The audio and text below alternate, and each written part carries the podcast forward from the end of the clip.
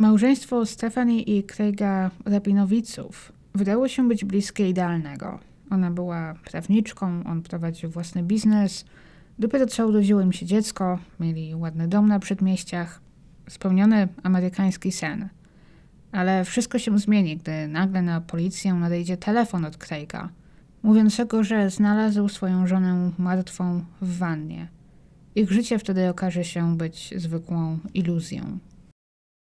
Witam ponownie w aneksie. Ja mam na imię Agnieszka, jeśli jeszcze się nie znamy. Usiądźcie sobie wygodnie, weźcie sobie jak zawsze jakieś piciu i dziś zapraszam Was na trochę inną sprawę, bo dziś robimy sobie przerwę od przerabiania spraw z lodowca.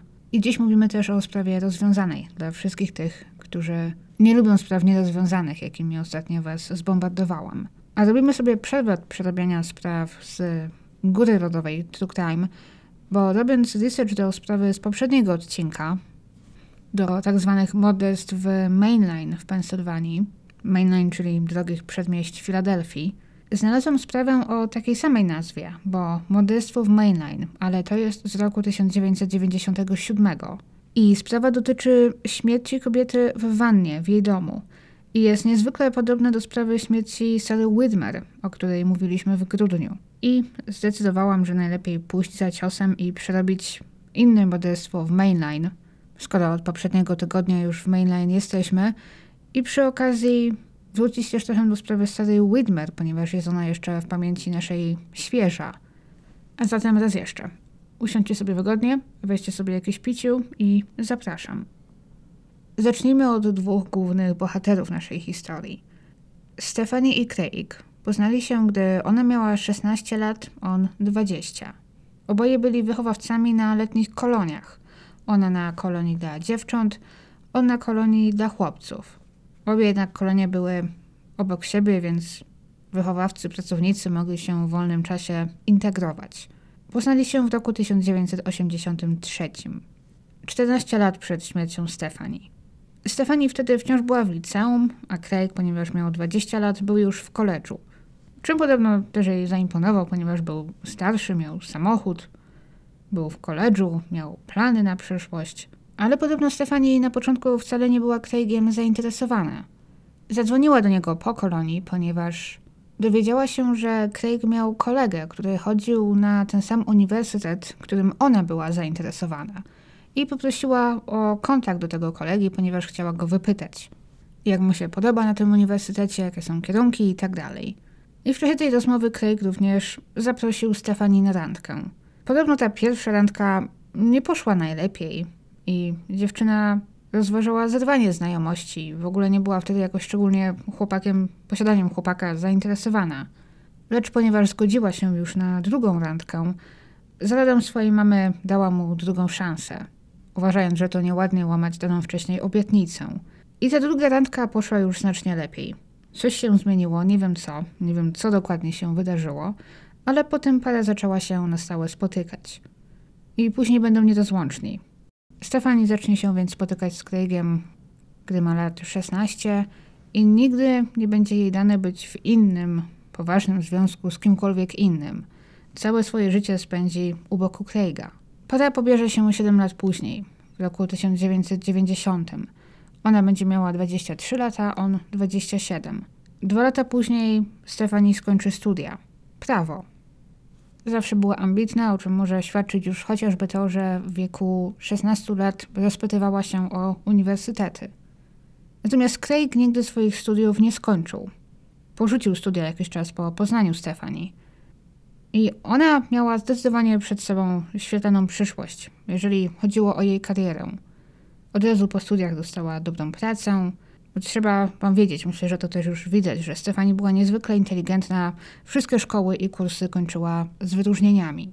Ale gdy obrali ślub i wchodzili w ten, powiedzmy, nowy etap w swoim życiu, to przyszłość Craiga rysowała się może trochę mniej obiecująco. Nie skończył studiów, w czym niekoniecznie jest coś złego, nie wszyscy muszą skończyć studia. Ale Craig też nie miał pomysłu, co dalej ze sobą zrobić. Często nie wytrzymywał zbyt długo w żadnej pracy, Zmieniał je jak rękawiczki i też zwykle były to prace słabo płatne. Ktoś mógłby powiedzieć, że Craig może nigdy nie nauczył się wartości pieniądza. Wychował się w rodzinie znacznie zamożniejszej niż rodzina Stefani. I gdy dorastał, niczego mu nie brakowało, niczego mu nie odmawiano. Był nauczony dużo wydawać, kupować drogie rzeczy. Gdy wchodził w dorosłość, to może nie był do końca gotowy, aby zarobić na życie. Na to wystawne i wygodne życie, którego pragnął i którego był nauczony. Na początku nie zdawało się to jednak być zbyt dużym problemem. To jednak Craig pracował przez cały ten czas, gdy Stefani studiowała i to głównie on ich wtedy utrzymywał. A teraz po studiach to ona dostała dobrą pracę i mogła zapewnić im dobrobyt. Zdaje się więc, że byli dobraną parą, która współpracowała i wspierała się. W końcu Craig założył firmę sprzedającą lateksowe rękawiczki medyczne, z czasem też inny sprzęt medyczny. Na początku zaczął z przyjacielem, jednak później ich drogi się rozeszły i Craig założył taką firmę sam, nazywając ją CNC Supplies. Rodziny obu stron, jak i przyjaciele, pomogli mu uzbierać początkowy wkład. Craig potrzebował wynająć magazyn w pobliżu portu nad rzeką, gdzie będzie przechowywał te rękawiczki i oczywiście na sam towar. W wielkim skrócie wyglądało to tak, jak teraz wygląda chyba większość handlu. Sprowadzał je z krajów, gdzie siła robocza była tania, głównie z Malezji, po czym sprzedawał je do szpitali, przychodni, laboratoriów z dużym zyskiem. Wszystkim, którzy zgodzili się zainwestować w jego przedsięwzięcie, Craig obiecał, że spłaci ich ze sporym procentem. Łącznie na początku potrzebował około 80 tysięcy dolarów. I faktycznie, z biegiem czasu faktycznie zaczął spłacać swój dług. Ale na początku nie było im łatwo. Gdy Stefani jeszcze studiowała, para miała problemy finansowe i musieli na jakiś czas wprowadzić się do rodziców Stefani, ponieważ nie było ich dłużej stać na wynajmowanie mieszkania. I tak byli już winni właścicielowi mieszkania 6 tysięcy dolarów. I ten teraz szykował pozew, aby odzyskać te pieniądze na drodze sądowej. Rodzice Stefanii spłacili ich dług i przyjęli ich do siebie, pomagając im stanąć na nogi. W roku 1996, a więc na rok przed śmiercią Stefanii, na świat przyszła ich córka, Hayley. Wcześniej para kupiła też dom na przedmieściach Filadelfii, w Lower Merion. To wszystko właśnie znajduje się w rejonie znanym jako Mainline. Może pamiętacie, w poprzednim odcinku było liceum, które znajdowało się w Upper Merion, to jest Lower Merion teraz.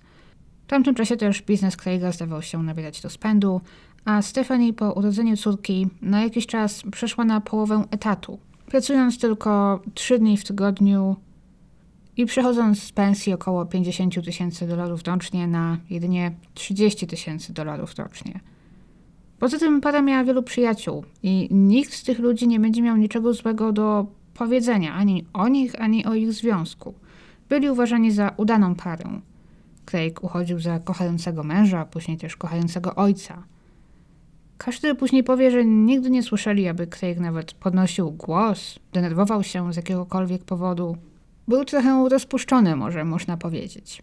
Zawsze przyzwyczajony do najlepszego traktowania, przyzwyczajony do posiadania matkowych rzeczy, czy jedzenia w dobrych restauracjach. Nie do końca też lubił, gdy ktoś się z nim nie zgadzał, natomiast nigdy nie okazywał tego w żaden gwałtowny sposób. Nigdy nie kłócił się otwarcie. Jeżeli coś szło nie po jego myśli, to może powiedzmy trochę zamykał się w sobie lub na parę tygodni obrażał się na daną osobę, która może weszła mu w drogę, czy nie zgodziła się z nim w czymś. Ale potem, gdy mu ten foch przechodził, wszystko wracało do normy. Nikt nie jest idealny. Ich związek wydawał się być całkiem udany. W roku 1997 teraz Stefani miała niecałe 30 lat, Craig 33. I nocą z 28 na 29 kwietnia jej życie nagle się zakończy. Tego dnia wieczorem małżeństwo było na kolacji. Wyszli z rodzicami Stefani w tajskiej restauracji w centrum Filadelfii, po czym rodzice Stefani przyjechali z młodym małżeństwem na chwilę do ich domu, aby napić się kawy i herbaty. Tak zresztą też wcześniej uzgodnili. Stefani tego wieczoru dużo myślała i mówiła o ich córce, o Hayley, która za kilka dni miała obchodzić swoje pierwsze urodziny – Stefani planowała wyprawić jej z tej okazji przyjęcie i była tym podekscytowana. Tamtego wieczoru wszystko zdawało się przebiegać normalnie, jeżeli chodzi o Craiga i Stefani. Nie było między nimi żadnego napięcia, Nic nie zapowiadało na przykład, że dopiero co się kłócili, albo że mieli się o coś pokłócić. Wszystko było tak jak zawsze. Państwo Newman nie zostali u nich długo.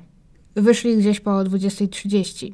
Przed ich wyjściem Craig zdecydował się zapakować Hayley do wózka i wziąć ją na mały spacer. Powiedział, że wypił chyba za dużo kawy i że to znosi go energia i chciał się przejść przed snem. I zniknął na dobre pół godziny z Hayley. Gdy wrócił, państwa Newman już nie było. I teraz, co wydarzyło się w ciągu kolejnych godzin, do dziś nie jest jasne. Wiemy jednak, że po północy na numer 911, na numer alarmowy, nadszedł telefon od spanikowanego Craiga, który powiedział, że znalazł swoją żonę nieprzytomną w wannie. Potem, gdy poszła wziąć kąpiel. Gdy pierwsza pomoc pojawiła się na miejscu, tak się złożyło, że jako pierwszy pojawił się policjant, a nie ratownicy, ponieważ akurat był gdzieś za rogiem. Znalazł Craiga w łazience, w ubraniu. Był razem ze swoją żoną w wannie, trzymając jej głowę nad powierzchnią i płacząc. Chyba upadła i uderzyła się w głowę, wyjaśnił. Nie uzyskuję przytomności, nie mogę jej ocucić. Dodał też, że Stefanie jest zbyt ciężka i że nie mógł jej wyciągnąć z wanny, co miał też wyjaśniać, dlaczego był razem z nią w wannie. Więc razem z pomocą policjanta Stefanie została wyjęta z wanny i policjant rozpoczął sztuczne oddychanie. Chwilą potem pojawili się medycy, którzy przejęli od niego te obowiązki i kontynuowali udzielanie jej pomocy. W końcu zabrali Stefanie do szpitala. Craigowi polecono jechać za karetką, ale ten na początku nie chciał, nie chciał jechać do szpitala. Powtarzał, że ktoś musi zostać ich córką, z Hayley. W tym samym momencie jednak pojawili się ich sąsiedzi, którzy oczywiście prędko zauważyli, co się dzieje, gdy przed ich domem pojawiły się karetki i policja na sygnale. I sąsiedzi oczywiście zaoferowali pomoc. To oni zostaną z dzieckiem. Craig niech jedzie. Policjant polecił też Craigowi przebrać się, bo jego ubrania były przemoczone. I każda z tych osób powie, że Craig autentycznie zachowywał się wtedy, jakby był w szoku i musiał być instruowany przez innych, co robić i jak, bo zdawał się być zupełnie zagubiony i nie rozumiał, co się dzieje. Niestety, krótko po tym, gdy Craig dojedzie do szpitala, dowie się, że Stefani nie żyje.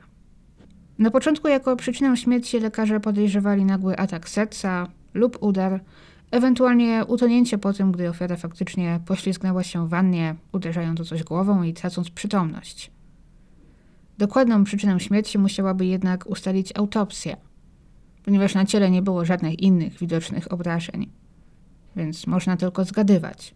Podczas wstępnych oględzin ciała też nie zauważono niczego niepokojącego, to znaczy siniaków, zadrapań, śladów przemocy.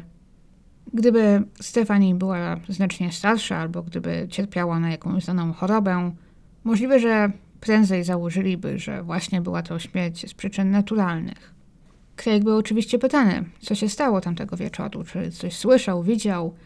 I według jego relacji, po tym gdy rodzice Stefani wyszli, oni usiedli na kanapie i wypili po piwie. Craig włączył telewizor, aby obejrzeć mecz. A Stefani, która według niego ostatnio narzekała na problemy ze snem, poszła wziąć kąpiel, by się odprężyć. Zostawiła go więc na dole i poszła na piętro domu, gdzie znajdowała się łazienka z wanną. Upłynęło trochę czasu, około godziny, chociaż Craig oczywiście nie mierzył dokładnie ile czasu, ponieważ nie miał takiej potrzeby, gdy zdał sobie sprawę, że na górze jest trochę za cicho i poszedł sprawdzić, czy u Stefani wszystko w porządku. I to wtedy znalazł ją nieprzytomną w wannie i wezwał pomoc. Jak powie, przez cały czas, gdy był na dole, nie słyszał niczego niepokojącego. Zaraz usłyszał tylko odgłos, jakby coś spadło na podłogę. Odgłos, który dobrze znał – tak podobno brzmiała butelka szamponu, która spadła z jakiegoś uchwytu czy półki w prysznicu, co podobno też często się zdarzało. Już od początku pojawiły się małe podejrzenia co do historii Craiga. Małe rzeczy, ale jednak. Gdy Stefani wyciągnięto z wanny, była naga, oczywiście. Nieopodal leżały jej poskładane ubrania, tak jakby właśnie przygotowała je sobie, aby się przebrać później. Ale kobieta wciąż miała na sobie biżuterię. Nie każdy oczywiście zdejmuje całą biżuterię przed wejściem do wanny. Można zostawić kolczyki czy wisiorek.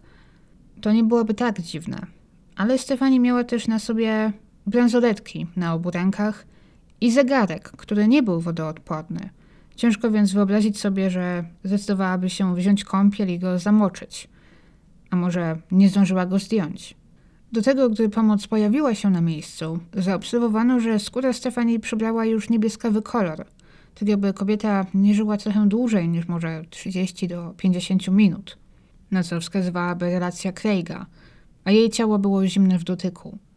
Mimo, że oczywiście ratownicy wezwani na miejsce walczyli o jej życie, próbowali przywrócić jej krążenie, zrozumieli prawie od początku, że dla Stefanii nie było już ratunku. I naprawdę niewiele brakowało, aby sprawa mogła na zawsze pozostać zagadką, bo nikt z rodziny, w tym jej rodzice, nikt ze znajomych, nie podejrzewał nigdy, że Stefani mogłaby paść ofiarą morderstwa, zwłaszcza z ręki swojego męża. Wierzyli, że zginęła tragicznie faktycznie w wyniku jakiegoś wypadku czy nagłego ataku, spowodowanego może jakimiś problemami zdrowotnymi, o których nie wiedzieli. Jej rodzice, państwo Newman, nie chcieli nawet autopsji. Zależało im na tym, aby prędko ją pochować. Nie dlatego, że mieli jakieś niecne zamiary, czy chcieli pomóc coś ukryć. Rodzice Stefani byli Żydami, zresztą oboje Stefani i Craig byli żydowskiego pochodzenia – i rodzice Stefani wciąż przestrzegali wielu tradycji i zwyczajów.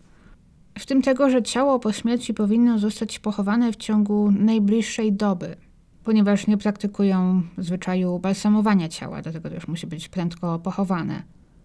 Po czym cała rodzina zbiera się w domu, poniekąd prawie zamykają się w domu na tydzień, gdzie też ograniczają swój kontakt z zewnętrznym światem i skupiają się na przechodzeniu żałoby po zmarłej osobie. I na tym właśnie zależało rodzicom Stefani, aby móc ją pochować i spędzić czas z rodziną, zapominając na chwilę o zewnętrznym świecie. Podoba mi się ta tradycja. Mam wrażenie, że odizolowanie się do pewnego stopnia od, nie wiem, mediów, pracy, zewnętrznych wpływów i spędzenie tego czasu w gronie rodziny. Oczywiście kochającej rodziny, z którą spędzanie czasu rzeczywiście jest wartościowe, Brzmi jak dobry sposób na przejście tej początkowej żałoby. Ale bardziej ortodoksyjni Żydzi sprzeciwiają się również autopsją, traktując je jako zbezczeszczenie ciała. Dlatego państwo Newman nie byli zachwyceni, gdy usłyszeli, że zlecono autopsję ciała ich córki. Ale nie mieli wyjścia, też nie mieli za wiele do powiedzenia w tym wypadku. Policja zdecydowała, że autopsja jest konieczna, aby wykluczyć ewentualne przestępstwo – jak zaraz czas pokaże, państwo Newman będą później wdzięczni za tę decyzję. I autopsja wykazała, że faktycznie na głowie Stefanii znajdował się duży siniak, powstały faktycznie w wyniku jakiegoś uderzenia. To zdawałoby się potwierdzać podejrzenie, że Stefani upadła, uderzając się w głowę i utonęła. I taki wyrok pewnie faktycznie wydałby lekarz sądowy, gdyby nie inne obrażenia, bo teraz zauważył kilka siniaków na nogach i ramionach kobiety, które według niego powstały na krótko przed jej śmiercią i nawet na początku, w tych pierwszych godzinach, gdy została przywieziona do szpitala, nie były jeszcze widoczne, powstały później. Ale tym, na co zwrócił największą uwagę i tym, co było najważniejsze, były uszkodzenia tkanki jej szyi, tuż pod szczęką, sugerując, że Stefani była duszona. I to właśnie lekarz uznał za przyczynę śmierci uduszenie, a nie utonięcie. Sprawdzono też zawartość żołądka. Stefani przed śmiercią jadła w tajskiej restauracji, jak wiemy. Częściowo przedstawione jedzenie w jej żołądku sugerowało, że kobieta zmarła jakąś godzinę po tym posiłku, może trochę ponad godzinę. Rodzina wyszła z restauracji gdzieś po 20. To wskazywałoby na to, że do śmierci doszło gdzieś około 21.30, może najpóźniej bliżej 22. Natomiast Craig zadzwonił na 911 po północy o 12.30. Potem, gdy według jego relacji jego żona spędziła w łazience około godziny, przynajmniej w jego odczuciu. W takim wypadku Stephanie musiałaby zginąć gdzieś najwcześniej około 23.30. Mamy więc tutaj gdzieś około 2 do 1,5 godziny rozbieżności. Nieprzetrawione jedzenie wskazywało na to, że Stefani zmarła gdzieś przed godziną 22, a relacja Craiga wskazywała na to, że zmarła gdzieś raczej po 23.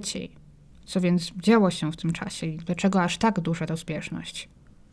Co ciekawe, sąsiedzi mieszkający przy tej samej ulicy zgłosili, że w noc śmierci Stefanii po okolicy kręcił się jakiś nieznajomy. pukał do drzwi i szukał domu pod jakimś numerem na tej ulicy. Numerem, który według nich nawet nie istniał. Początkowo prasa pisała o tym jako o możliwym tropie. Bo co jeżeli ten nieznajomy zdołał dostać się do domu rabinowiców? Ci zwykle zostawiali drzwi niezamknięte na klucz do czasu, aż nie szli na górę spać. Do ich domu można było dostać się na dwa sposoby. Frontowymi drzwiami, blisko tych miał siedzieć Craig, przynajmniej według jego relacji, jeżeli faktycznie siedział na kanapie i oglądał mecz, ale były też tylne drzwi, przypuszczam w kuchni albo gdzieś w pobliżu kuchni, którymi również można było dostać się do domu. I co właśnie, jeżeli ten nieznajomy dostał się do środka niezauważony i natrafił na Stefani w łazience? I zabił ją z powodu może nie do końca jasnego. Może była to nieudana próba kradzieży. Oczywiście wiązałoby się to oczywiście z walką, z hałasem i pewnie z krzykiem Stefani, gdyby nagle jakiś nieznajomy wszedł do łazienki, gdzie ona brała kąpiel. Więc pozostaje pytanie, w jaki sposób Craig niczego nie usłyszał. Później policja obaliła te podejrzenia, mówiąc, że wyjaśnili tę sprawę. I ten nieznajomy faktycznie szukał tamtego wieczoru domu znajomego, do którego był zaproszony, ale pomieszały mu się adresy. I z tego, co oni ustalili, ten człowiek nie miał z tą sprawą nic wspólnego. Presa pisała też o relacjach znajomych rabinowiców, którzy po śmierci Stefanii zaoferowali się, aby ogarnąć i posprzątać ich dom. Zgłosili, że na podłodze w łazience, gdzie Stefanii zginęła, były ślady zabłoconych butów. Znów może był to dowód na to, że ktoś dostał się wtedy do domu z zewnątrz, zostawiając takie ślady. Ale bardziej prawdopodobne zdaje się jednak być to, że to były odciski butów ratowników albo policjanta. Ratownicy medyczni, pędząc, aby uratować komuś życie, nie będą przecież wycierać butów przed wejściem. Istotny okazał się również raport toksykologiczny, bo on wykazał kolejną ważną rzecz. W organizmie Stefanii wykryto sporą dawkę leku nasennego. Nieśmiertelną, lecz około trzy razy wyższą niż zalecana w doraźnym przyjmowaniu. I szybko stało się jasne, co to było. Ponieważ Craig miał problemy ze snem, jak wyjaśnił, kilka tygodni wcześniej zaledwie jego lekarz przepisał mu lek nasenny pod nazwą Ambien, znany też jako Zolpidem. Jest to dosyć powszechny lek nasenny. Pamiętam, że Zolpidem pojawił się już chyba w jednej czy dwóch niedawno omawianych sprawach, ale za nic nie mogę sobie przypomnieć, które to były. I Drake miał przyjmować go doraźnie, gdy nie mógł spać. W sumie teraz mnie uderzyło, że gdyby faktycznie miał problemy ze snem, to pewnie nie powinien był pić kawy po 20. Ale Craig wyjaśnił, że mimo, że lekarz przepisał ten lek jemu, doraźnie przyjmowała go też Stefani. Bo po urodzeniu dziecka i w tych pierwszych miesiącach, gdy dziecko ich często budziło w ciągu nocy i tak dalej, Stefani miała oczywiście trochę rozwalony tryb i zaczęła przyjmować ten lek nasenny, aby sobie trochę pomóc. Później jednak będą spory co do tego, czy Stefani faktycznie chciałaby ten lek przyjmować, ponieważ nigdy nikomu o tym nie powiedziała. Teoretycznie Craig dostał ten lek niedawno, więc może też nie miała okazji albo nie musiała. Jej rodzina natomiast powie, że Stefani stroniła od wszelkich tabletek i rzadko sięgała nawet po zwyczajne leki przeciwbólowe. Ból musiał być naprawdę mocny, aby przyjęła lek przeciwbólowy. Wspominali nawet, że Stefani tak rzadko przyjmowała jakiekolwiek leki, była tak słabo obeznana, jeżeli chodzi o tabletki i leki, które można kupić bez recepty, że kiedyś ona i jej przyjaciółka, faktycznie mając tam ból, bodajże ból głowy, chciały zażyć tabletkę przeciwbólową, ponieważ wychodziły ze znajomymi do restauracji i chciały się dobrze bawić. I Stefani poszła do łazienki, wyjęła tabletki przeciwbólowe, zażyły po dwie i poszły do restauracji. Niedługo później obie zaczęły w tej restauracji przysypiać, prawie wpadając twarzami w talerze ze swoim jedzeniem, bo okazało się, że Stefani w ogóle nie rozróżniając, nie patrząc na opakowanie, czy sądząc, że wszystkie tabletki przeciwbólowe są identyczne, podała im Tylenol, czyli, czyli lek na bazie paracetamolu, taki trochę nasz APAP, ale wersję na przeziębienie i na noc. I on tam ma w składzie, zapomniałem jak ta substancja się teraz nazywa, ale już to jest używany w lekach przeciwalergicznych właśnie. Pomaga nam oddychać, udrażnia drogi oddechowe, ale jednocześnie właśnie powoduje dużą senność. I to właśnie ten lek Stefani im podała, powodując, że odleciały, zaczęły przysypiać i w ogóle nie bawiły się za dobrze na tej kolacji. Ale to taka anegdota, która może też ma trochę pokazać właśnie, że Stephanie na co dzień zdecydowanie stroniła od leków i jej rodzina nie mogła uwierzyć w to, że zaczęłaby przejmować jakiś lek, nawet nie przypisany jej, tylko jej mężowi, bez żadnej uprzedniej konsultacji ze swoim lekarzem. I że przyjęłaby jeszcze dawkę wyższą niż ta zalecana, co znów prowadziło do tego, że podejrzewali, że lek ten został jej podany bez jej wiedzy. To wszystko zaczęło powoli prowadzić do przekonania, że Craig musiał zabić żonę, że musiał mieć w tym jakiś udział. Według jego własnego zeznania w domu nie było nikogo poza nimi. Według jego własnego zeznania też. Był też pewien, że gdy siedział na dole, na pewno zauważyłby, usłyszałby, gdyby ktoś dostał się do domu. Sam to przyznał na początku, więc opcja, że Stefanie zginęła z ręki kogoś innego, nie była prawdopodobna. Policjanci chcieli się jednak upewnić, że zbierą wystarczająco dużo dowodów i znajdą motyw, zanim w ogóle zdradzą Craigowi, co autopsja ustaliła i zdradzą mu, że go podejrzewają. Później przeszukają jego dom dwa razy i w czasie tego przeszukania nie będą mogli znaleźć opakowania tego leku, leku nasennego, biorąc pod uwagę, że został mu przepisany kilka tygodni wcześniej i miał być brany doraźnie. Wciąż powinno być w nim sporo tabletek, a jednak nie mogli go znaleźć, podejrzewając, że może Craig go wyrzucił z jakiegoś powodu. I gdy jego dom został przeszukany, oczywiście ponieważ nie podejrzewano morderstwa od razu, przez ten dom po śmierci Stefanii przewlekło się dużo ludzi. Wiemy, że ich znajomi chcieli pomóc i posprzątali trochę, więc były zapewne ślady, dowody, które niestety zostały zatarte. Ale wciąż znaleźli sporo niesamowitych niespodzianek.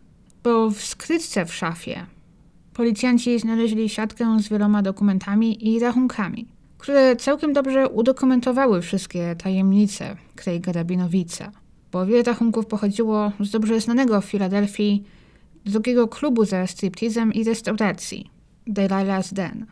Od początku roku 1997, jak odkryli, Craig odwiedził to miejsce ponad 30 razy, a był dopiero początek maja, ale na to wskazywały zachowane przez niego rachunki. I wydał tam niemało pieniędzy. Ten klub miał prawie że taką swoją formę waluty – nie płaciło się tam normalnie pieniędzmi, natomiast za pieniądze kupowało się tak zwane dolary Delilah, czy takie vouchery o danej wartości i to tymi voucherami płaciło się za wszystkie usługi w klubie, za napiwki i tak. Potem oczywiście tancerki czy kelnerki na końcu mogły wymienić te vouchery na prawdziwe pieniądze. A klub zawsze wymieniając je przy okazji pobierał dla siebie prowizję, więc w ten sposób zarabiał. Ale tym sposobem też można było zapłacić kartą za te dolary Delaili i na wyciągu bankowym ta płatność pojawiała się jako restauracja, czy tam usługa restauracyjna, restauracja D&D i tak dalej. Co dodawało trochę anonimowości gościom klubu. I oczywiście, jeżeli jakaś małżonka będzie sprawdzała ich rachunki, to zobaczy, że jej mąż na przykład wydał parę stów w restauracji, a nie w klubie ze striptizem. Co wciąż powinno ją w zasadzie zdziwić, dlaczego wydał tak wiele pieniędzy w restauracji, ale tak to działało. I Craig odwiedził to miejsce od początku roku ponad 30 razy, wydając tam ponad 50 tysięcy dolarów. Więcej niż wynosiła roczna wypłata Stefani w tym momencie. I ani jego żona, ani nikt z jego otoczenia nawet o tym nie wiedział. Delilah Stan istnieje do dziś i ciekawie było sobie poczytać opinie w internecie o tym miejscu. Zdaje się, że jest to dalej dosyć popularny klub. Między innymi też na różne wieczory kawalerskie, imprezy. Sporo opinii było też o kobiet, więc najwyraźniej nie jest to tylko klub dla dżentelmenów, jak siebie nazywa. Ale sporo opinii mówi właśnie o tym, że ten klub właśnie wysysa pieniądze na każdy możliwy sposób że wszystko jest niezwykle drogie, że wszędzie są jakieś ukryte opłaty, wszystko jest opatrzone jakimiś dodatkowymi opłatami, a obsługa stale naciska na zamawianie więcej jedzenia, więcej drinków. Jeżeli ktoś popija jednego drinka za długo, to będzie wyproszony. Oczywiście tania butelka alkoholu też jest tam niezwykle droga. I co ciekawe, Craig powiedział kiedyś przyjaciołom, i Stefani, że był raz w tym klubie, że musiał tam pójść bo to tam właśnie nalegał, aby spotkać się jeden z jego obiecujących klientów, który miał przynieść mu dużo pieniędzy, kupić sporo opakowań lateksowych rękawiczek. Dla dobra swojej firmy, więc Craig poszedł na spotkanie do tego klubu, ale później opowiadał o tym i powtarzał, jak bardzo mu się nie podobało, jak żenujące było to doświadczenie. jak głupi jest pomysł spotkania biznesowego w klubie ze striptizem. Okazuje się więc, że ta historia nie była do końca prawdziwa, ale było w niej ziarenko prawdy. Które może też troszkę, powiedzmy, miało mu chronić tyłek, na wypadek, gdyby kiedyś zobaczył go tam ktoś ze znajomych, ktoś, kto go kojarzy. Gdyby ktoś doniósł o tym Stefani, ta mogłaby powiedzieć, pomyśleć, a że pewnie Craig znów ma jakieś głupie spotkanie biznesowe. I znów jakiś bogacz nalegał, aby spotkać się właśnie tam. Jak policja też odkryła w roku 1993, czyli po tym już, gdy poślubił Stefani, Craig został zatrzymany za korzystanie z usług seksualnych, bo to, jak może wiecie, w wielu stanach jest nielegalne. Ale że współpracował, nie otrzymał nigdy za to wyroku, więc nikt nigdy się o tym nie dowiedział. Ale oczywiście gdzieś tam głęboko w papierologii były na to dowody, że został wtedy zatrzymany i policja teraz zaczęła odkopywać te kwiatki. Odkryli zresztą, że przyprowadzał kobiety do ich mieszkania pod nieobecność Stefanii. Nie był więc najwyraźniej tak kochającym mężem i ojcem, za jakiego go uważano. Wracając jednak do klubu Delilah. Craig był tam oczywiście już dosyć dobrze znany, biorąc pod uwagę, jak często tam bywał i ile pieniędzy tam zostawiał. Śledczy szybko dowiedzą się, że przychodził tam zwykle tylko dla jednej konkretnej tancerki, znanej pod jej scenicznym imieniem Summer, w rzeczywistości Shannon Reynard. I to jest kolejny ciekawy zbieg okoliczności ze sprawą z poprzedniego tygodnia, bo jak może pamiętacie, ofiara z poprzedniego odcinka również miała na nazwisko Reynard. Ale nie znalazłam niczego wskazującego na to, że te kobiety były jakoś spokrewnione, czy może spowinowacone, ponieważ to było nazwisko męża Suzan. Ale oczywiście, żeby zdobyć sobie uwagę tancerki i zdobyć zaufanie klubu, trzeba dużo wybulić. Oczywiście tak działają te miejsca. I żeby na przykład móc wynająć taki prywatny pokój na prywatny taniec, nie można od tak wejść z ulicy i za niego zapłacić. Trzeba być przede wszystkim stałym bywalcem i wydać tam jakąś konkretną sumę pieniędzy. I dopiero wtedy można korzystać z takich przywilejów klubu. Mieli więc prawie, że taki program lojalnościowy, można powiedzieć. I że był to drogi klub, można powiedzieć, takiej wyższej klasy, za taki przynajmniej się uważał. Było oczywiście tam dużo zasad, wymogów, dbano o bezpieczeństwo tancerek, nie tolerowano, nie wiem, żadnych bujek i tak dalej. To nie była żadna speluna. Temu klubowi, właścicielom tego klubu naprawdę zależało, żeby właśnie przyciągać tylko tych najbogatszych i od nich wyciągać pieniądze, co oczywiście ma sens. Ale co ciekawe, Craig wcale nie był bogaty. Mimo tego jednak im naprawdę dużo. Nie tylko na tańce od Shannon, na drinki z nią i tak dalej. Kupował jej też prezenty poza konkursem. Shannon powie policji, że Craig kupił jej meble do jej nowego mieszkania, na które wydał ponad 8 tysięcy dolarów, co też potwierdzą rachunki w jego skrytce. Wykupił też dla niej i dla siebie członkostwo w drogim klubie fitness.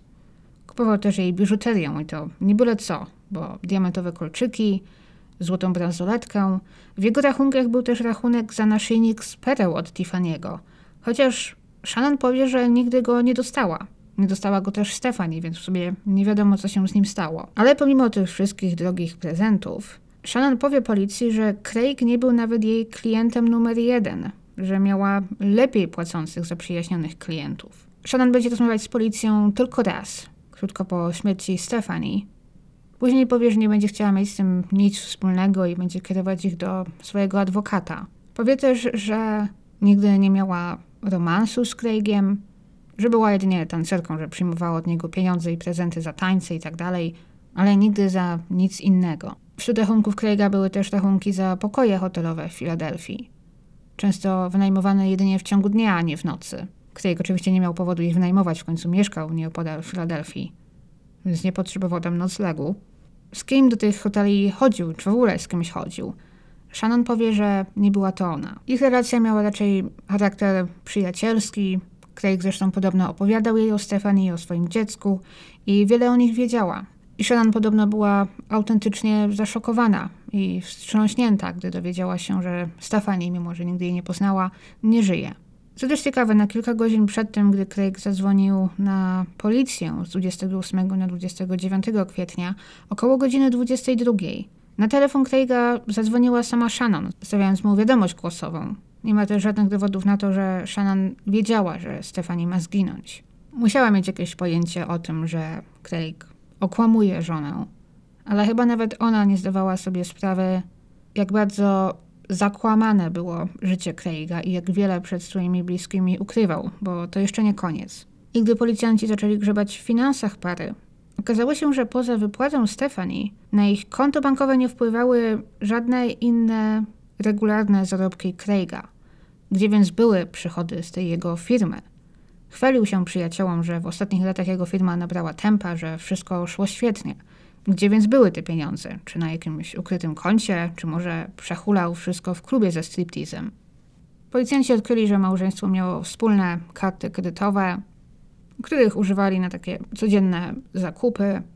Tam nie było jakiegoś wielkiego zadłużenia czy niczego nietypowego, ale odkryli, że Craig wziął duży kredyt pod zastaw ich domu na ponad 100 tysięcy dolarów. Odkryli też, że miał masę innych, osobnych kart kredytowych, o których Stefani prawdopodobnie nie wiedziała, ponieważ wszystkie rachunki z tych kart przechodziły do założonej przez niego w tajemnicy skrytki pocztowej. Plus były tysiące dolarów, które pożyczył od swojej rodziny, od bliskich, właśnie na rozwój, na inwestycje swojej firmy. Niektóre z nich spłacał, ale zaraz pożyczał znowu. Analiza jego finansów, wpływów, wydatków itd. Tak to na początku nie było łatwe, wszystko było naprawdę skomplikowane, ale w końcu ta analiza wykazała, że to, co Craig prowadził, to był tak zwany schemat Ponziego na małą skalę. Oszustwo, w którym Craig pożyczał pieniądze od ludzi, obiecując, a w zasadzie nawet nie tyle pożyczał, co może zachęcał ich do zainwestowania w jego firmę i obiecywał, że odda im te pieniądze z dużym zyskiem, niektórym obiecywał nawet do 12%. I w większości faktycznie te pieniądze oddawał. Gdzie jednak był haczyk? Gdzie było to oszustwo, skoro w końcu oddawał pożyczone pieniądze i inwestował je w swoją firmę? Okazuje się, że jego firma w rzeczywistości nawet nie istniała. Zarejestrował tam faktycznie wiele lat temu CNC Supplies, ale na tym koniec. Nigdy nie sprowadził żadnych rękawiczek, żadnego sprzętu medycznego z Azji. Może tylko na początku, gdy na początku lat 90. dołączył do biznesu jego przyjaciela – Potem, gdy się dostali, Craig po prostu przejął ten model biznesowy przyjaciela i udawał, że dalej robi to, co robił. Ale w rzeczywistości nie było żadnego wynajętego magazynu w porcie. Craig nie miał żadnego asortymentu, nigdy niczego nie sprowadził. Nic z tego nigdy nie miało miejsca. Gdy wychodził do pracy, tylko udawał. W rzeczywistości większość czasu spędzał w takich miejscach jak Delilah. Wiele osób później będzie żartować, że budynek klubu Delilah trochę wyglądał jak magazyn z zewnątrz, i znajdował się blisko portu, więc tyle było w tym prawdy. Craig, gdy pożyczał pieniądze, w nic je nie inwestował. To znaczy, w sumie inwestował w siebie. Żył z tych pieniędzy. A gdy przychodziło, aby je oddać, pożyczał od kogoś innego, z identyczną obietnicą, ewentualnie brał kredyt. I faktycznie zwracał pieniądze tej pierwszej osobie z procentem, tak jak obiecał, powodując, że ta serio myślała, że w coś zainwestowała. I tak to się kręciło w kółko. Jeden znajomy, nie wiem, powiedzmy, pożyczył mu 100 tysięcy dolarów i z powrotem otrzymał, nie wiem, 110 tysięcy dolarów. Zyskał 10%. Więc była to dla niego dobra inwestycja. Zyskał 10 tysięcy dolarów. Teraz, gdy Craig chciałby pożyczyć od niego pieniądze ponownie, pożyczy mu je bez wahania, wiedząc, że znów pewnie na tym zyska. Jak również pewnie powiedziałby o tym przyjaciołom, także każdy teraz byłby chętny pożyczyć Craigowi pieniądze, zainwestować w jego firmę. I tak to się kręciło w kółko. Z tym, że zawsze było kilka podmiotów, w którym Craig wisiał pieniądze i zwracał je, zaciągając oczywiście kolejne długi. Większość jego życia to było więc takie typowe, jak zarobić, ale się nie narobić. I nikt z bliskich Craiga i Stefani na początku nie mógł w ogóle uwierzyć w te rewelacje. Nikt nigdy go o coś takiego nie podejrzewał. Na początku, gdy Stefani zginęła, wszyscy mu współczuli. Został sam, stracił żonę w tak młodym wieku. Kilka lat wcześniej zresztą stracił swego ojca. Teraz został sam z małą córeczką. Wszyscy na początku Odczuli jedynie współczucie i żal. Nikt nie miał powodu niczego podejrzewać. Wręcz przeciwnie, rzucili się, by pomóc temu młodemu wdowcowi w żałobie. Chcieli pomóc w, nie wiem, organizacji pogrzebu, załatwianiu formalności, w opiece nad Hayley, sprzątaniu domu, w czym tylko mogli. A Craig faktycznie wyglądał na zagubionego i zdruzgotanego. Wszyscy odczuli współczucie. Ciężko więc teraz było zaakceptować informację o tym, że Stefani zmarła z powodu uduszenia, a nie obdarzeń głowy czy utopienia. A Craig nie tylko ją zdradzał i oszukiwał, oszukiwał wszystkich wokół siebie. Każdy z ich grona, z grona przyjaciół, rodziny, wiele słyszał i wiedział o tej jego firmie rękawiczkowej, o tym, jak sobie radzi. Craig odstawiał tę farsę przez praktycznie 7 lat. Opowiadał im o spotkaniach z klientami, tak jak na przykład właśnie to rzekome spotkanie w Delilah's Den. A niektóry z nich nawet jeździł do Nowego Jorku, udawał zajętego i zapracowanego. A teraz to wszystko okazało się kłamstwem. Powoli więc wszyscy zaczęli się od niego odwracać. Czasem w takich wypadkach ktoś powie po wszystkim, że faktycznie ta osoba wydawała się wcześniej dziwna, że przyłapano ją na jakimś małym, ale dziwnym kłamstwie, że była w jakimś stopniu, nie wiem, podejrzana, niesympatyczna, że coś było trochę nie tak, że były jakieś takie małe wskazówki i teraz, gdy to wszystko wychodzi na jaw, to wszystko zaczyna pasować. Można sobie pomyśleć, że teraz to wszystko ma sens i to wyjaśnia wiele tych dziwnych zachowań. Ale w tym wypadku tak nie było. Nikt nigdy o nic Craiga nie podejrzewał. Uchodził za sympatycznego i wzbudzającego zaufanie. Nie wyróżniał się niczym od swoich znajomych, rówieśników. Wszystkich najlepszy przyjaciel. Taki tytuł nosi książka autorstwa Kena Englade'a o tej sprawie, którą czytałam. Tytuł oczywiście nie bez powodu, bo Craig Rabinowicz do perfekcji opanował manipulowanie swoim otoczeniem i zjednywanie sobie ludzi. Wracając do tematu pieniędzy. Po narodzinach Hayley, oboje, Stephanie i Craig, wykupili sobie polisy na życie – co ludzie w Stanach przynajmniej robią dosyć często, gdy rodzi im się dziecko. Jeżeli młody zginą w wyniku jakiegoś wypadku, to dziecko przynajmniej będzie miało jakieś zaplecze finansowe. A dodatkowo Stefani miała jeszcze jedną polisę, która przysługiwała jej automatycznie w ramach benefitów w swojej pracy. W razie jej śmierci Craig otrzymałby ponad milion dolarów łącznie. Ale ponieważ oczywiście nie dostałby tych pieniędzy od razu, gdy ktoś ginie, trzeba zacząć się ubiegać o wypłatę z polisy, to często zajmuje parę tygodni, formalności i tak. A najwyraźniej Craig potrzebował gotówki od razu, bo odkryto, że już dwa dni po śmierci swojej żony zastawił jej pierścionek zatęczynowy i biżuterię w Lombardzie, dostając za nie trochę ponad 2000 dolarów. To podobno była jedna z tych rzeczy, która na dobre zabiła nadzieję państwa Newman, rodziców Stefanii, że wszystko było jakimś nieporozumieniem i Stefani wcale nie zginęła w wyniku morderstwa, a Craig wcale nie zabił ich córki. Ta biżuteria, którą zastawił, była w rodzinie Stefani od pokoleń. Należała wcześniej do matki, babki, prababki i tak. I w końcu miała trafić do Hayley.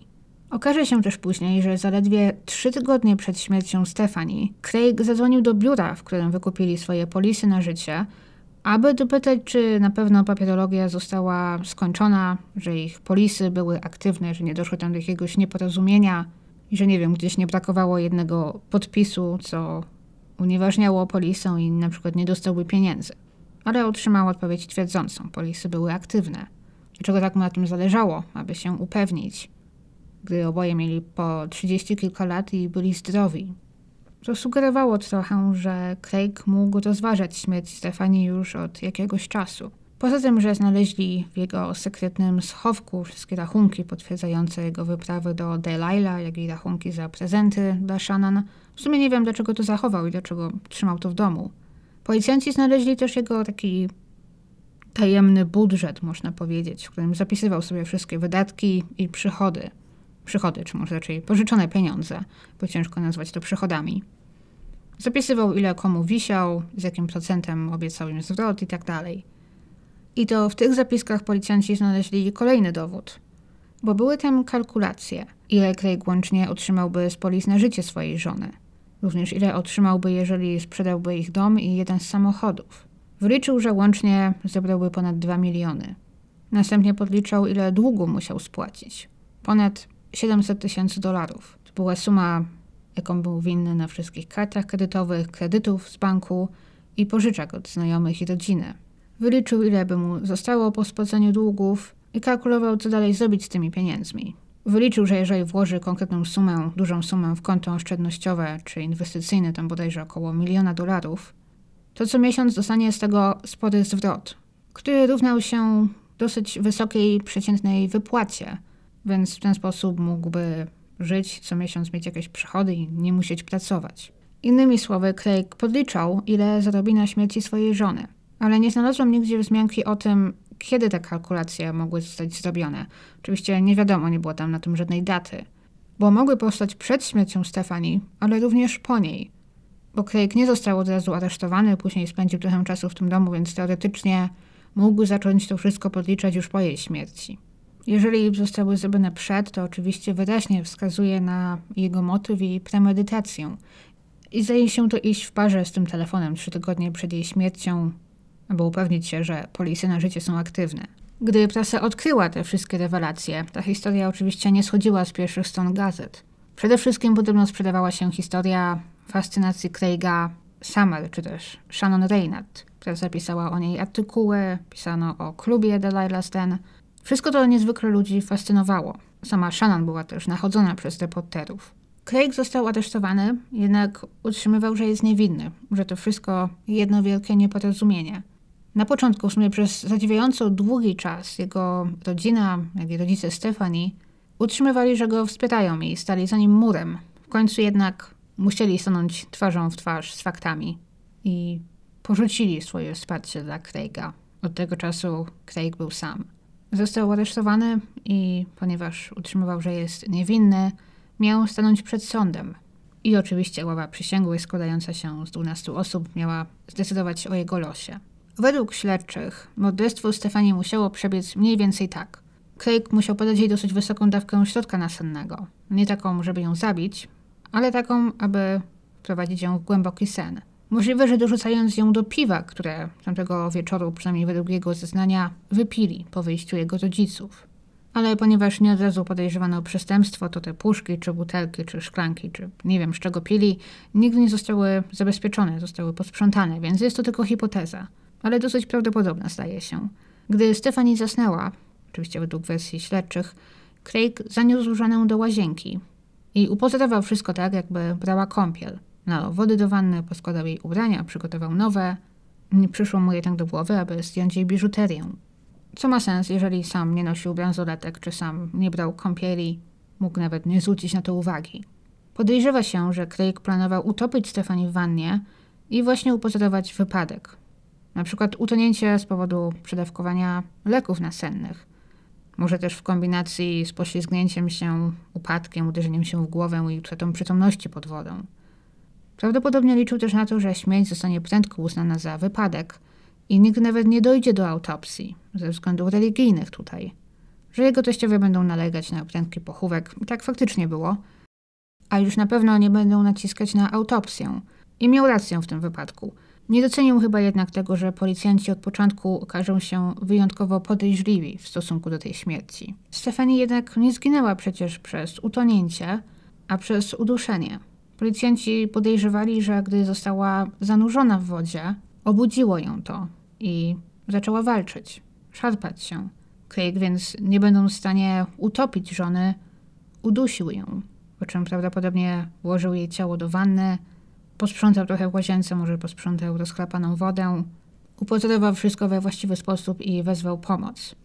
Dlatego też powstała taka rozbieżność. W czasie, gdy Stefani prawdopodobnie zginęła, czas został ustalony na podstawie tego, co znajdowało się w jej żołądku, ponieważ wiemy, kiedy jadła, a kiedy Craig wezwał pomoc. Trochę czasu zajęło mu ogarnięcie tego wszystkiego, upewnienie się, że wszystko wygląda tak, jak wyglądać powinno i wezwanie pomocy. Na początku Craig utrzymywał swoją niewinność. Sprawa miała trafić przed sąd w październiku 1997 roku. Tuż przed rozpoczęciem procesu jednak Craig zdaje się zmienił taktykę, bo zdecydował się przyznać do winy i przyjąć odpowiedzialność. I zrobił to dosłownie minuty przed tym, gdy proces miał się zacząć.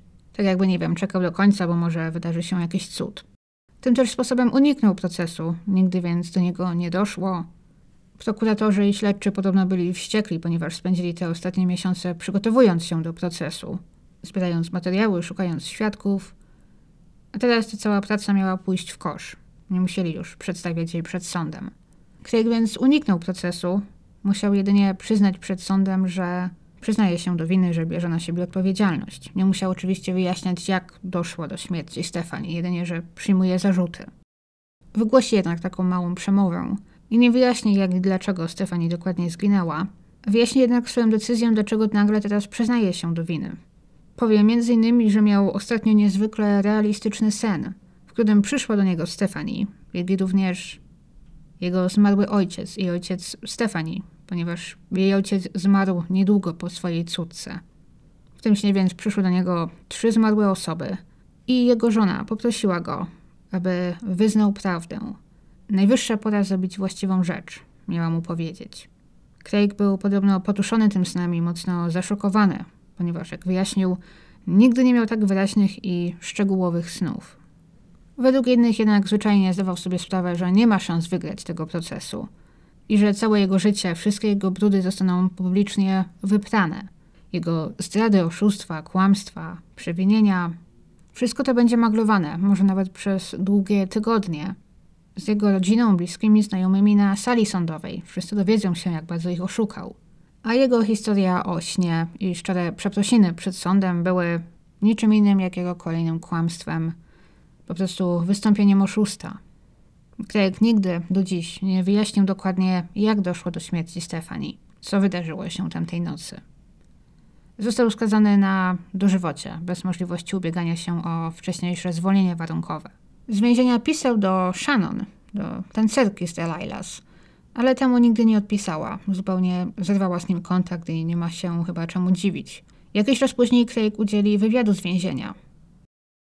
Zapytany o to, co zrobiłby, jeżeli kiedykolwiek uda mu się wyjść na wolność, odpowiedział, że pojedzie spotkać się z Shannon.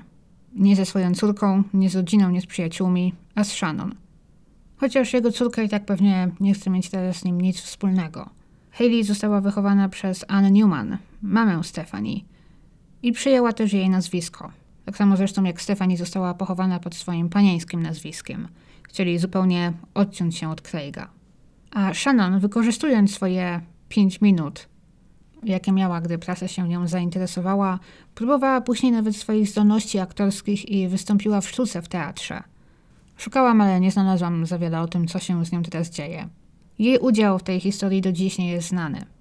Rozmawiała z policją tylko raz, nie została również nigdy powołana na świadka w sądzie, ponieważ do procesu nie doszło. Uważa się jednak za wątpliwe, że Shannon miała jakikolwiek udział w śmierci Stefani. To nie była sytuacja, w której chciała, nie wiem, Craiga dla siebie, chciała być z nim w związku. Miała przecież lepiej płacących klientów. Kobiety, które tańczą w klubach i które zarabiają na życie w ten sposób, są z reguły bardzo inteligentne. I nie sądzę, że Shannon, nie wiem, podjudzałaby Craiga do zabicia swojej żony i zabrania polisy na życie. Z tego co wiadomo, nie miała nawet pojęcia o jego problemach finansowych. Po prostu przyjmowała od niego pieniądze i prezenty. A w zapiskach Craiga nie było też żadnych dowodów na to, że planował przekazać jakieś pieniądze Shannon, że coś jej obiecał. Nie ma więc żadnych dowodów na to, że Shannon była w to w jakiś sposób zamieszana. Nie wiemy też jednak, jak długo Craig planował to morderstwo. Zdaje się, że jeżeli je planował, to przynajmniej od kilku tygodni.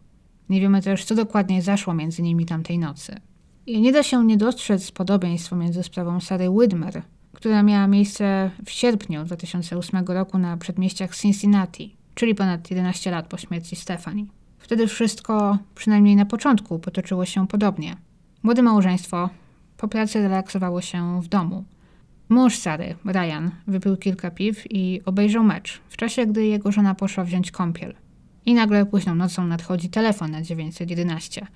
Ryan znalazł Sarę martwą w wannie. Za przyczynę śmierci uznano utonięcie. Chociaż nikt nie potrafił wyjaśnić, jak pozornie zdrowa 24-letnia kobieta utopiła się w niewielkiej ilości wody w wannie. Ryan sądził, że mogła zasnąć, Sara faktycznie miała problemy z sennością i zmęczeniem w ostatnich miesiącach. Ale przecież gdy nasza głowa zanurzy się, woda automatycznie nas odsuci. Oczywiście poszczegóły odsyłam do tamtego odcinka, jeżeli ktoś go jeszcze nie słyszał. Ostatecznie jednak Ryan został uznany winnym. Podejrzewano, że przytrzymał głowę żony pod wodą, próbując upozorować utonięcie w wyniku jakiegoś wypadku. Ale Ryan do dziś utrzymuje swoją niewinność. I jest faktycznie sporo wątpliwości co do jego winy. Na pewno więcej niż było w wypadku Craiga. Niestety ciało Sady zostało prędko skremowane, a była tylko jedna przeprowadzona autopsja, która wtedy nie przyjrzała się zbyt wielu opcjom, przykład kilku wrodzonych wad genetycznych, które Sara mogła mieć i które mogły przyczynić się do jej śmierci tamtej nocy. Bo faktycznie tuż przed śmiercią uskarżała się na dosyć dziwne problemy zdrowotne, więc może w tym wypadku coś tutaj było. Ale poza tym okoliczności śmierci obu kobiet są niezwykle podobne. Małżeństwo samo w domu, młode małżeństwo, w telewizji leci mecz, ktoś pije piwo, a żona idzie wziąć kąpiel i zostaje znaleziona martwa przez męża w wannie. W obu przypadkach mężowie zostają uznani winnymi. Z tym, że Craig w końcu przyznaje się sam. Ryan dalej obstaje przy swojej niewinności. W przypadku Ryana nie było też żadnych problemów finansowych. Wręcz przeciwnie, to Ryan wcześniej odziedziczył spadek po babci, który wykorzystał m.in. aby kupić ich dom. Para więc nie miała żadnych wielkich kredytów czy długów. Oraz nie było też żadnych dowodów na to, że Ryan zdradzał Sarę w tym wypadku. Zresztą oni dopiero co się pobrali, bodajże trzy miesiące wcześniej czy coś takiego. Ryan zaczął szukać nowej partnerki dosyć prędko po śmierci żony, ale właśnie dopiero po jej śmierci. Jednak oczywiście mocno zaził tym do siebie wielu wspierających. Ale nie było tam w tym wypadku żadnej historii o zdradach, oszustwach i długach. Okoliczności obu śmierci są więc dosyć podobne i mimo, że jeżeli chodzi o Ryana Whitmera byłam trochę pomiędzy, jeżeli chodzi o to, czy jest winny, czy niewinny, wtedy na pewno trochę przychylałam się ku jego niewinności z powodu braku konkretnych dowodów, ale znów historia Craiga i Stephanie spowodowała, że chyba ta szala trochę przechyliła się w stronę tego, że może jednak jest winny. Bo Craig również rozpaczał po stracie swojej żony, również stawał się być kochającym, oddanym mężem, a tutaj wszystko okazało się być kłamstwem i iluzją. Chociaż dalej w sprawie Ryana nie ma żadnego konkretnego motywu. Jestem ciekawa, co sądzicie. To chyba wszystko, co dla Was dziś miałam. Dzięki bardzo za słuchanie, dzięki za oglądanie. Jesteście super i słyszymy się za tydzień. Trzymajcie się.